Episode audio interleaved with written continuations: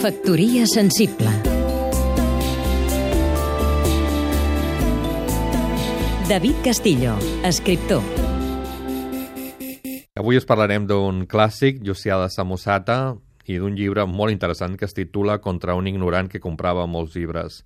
Els que seguiu una mica la literatura recordareu de que aquest és el mateix autor de Converses de Meuques, que és un llibre que va tenir molta sort, va acabar la primera edició, es van fer versions teatrals, i ara ens arriba aquest, que és precisament un atac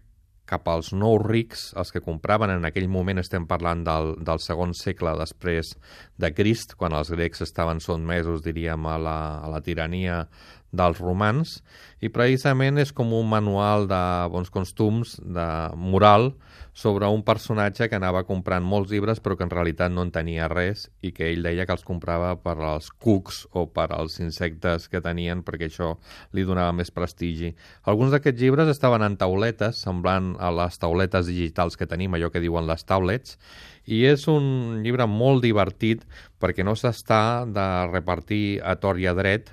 i diu frases del tipus mira, si comprar llibres fes culte als qui els posseix, la compra fora veritablement molt preuada i tan sols per vosaltres, els rics, que en compraríeu a la plaça i en superaríeu a nosaltres, els pobres. Però diu, què teniu? Què aconseguiu de tenir tants i tants llibres? Diu, tanmateix, si en raones t'adonaràs que no són pas gaire millors que tu pel que fa a la cultura, sinó més aviat bàrbars en la parla com tu i ximples, de, en la manera de pensar com és natural que tu siguis, i els que no saben distingir entre el que és vell del que és vulgar. Factoria sensible Seguim-nos també a catradio.cat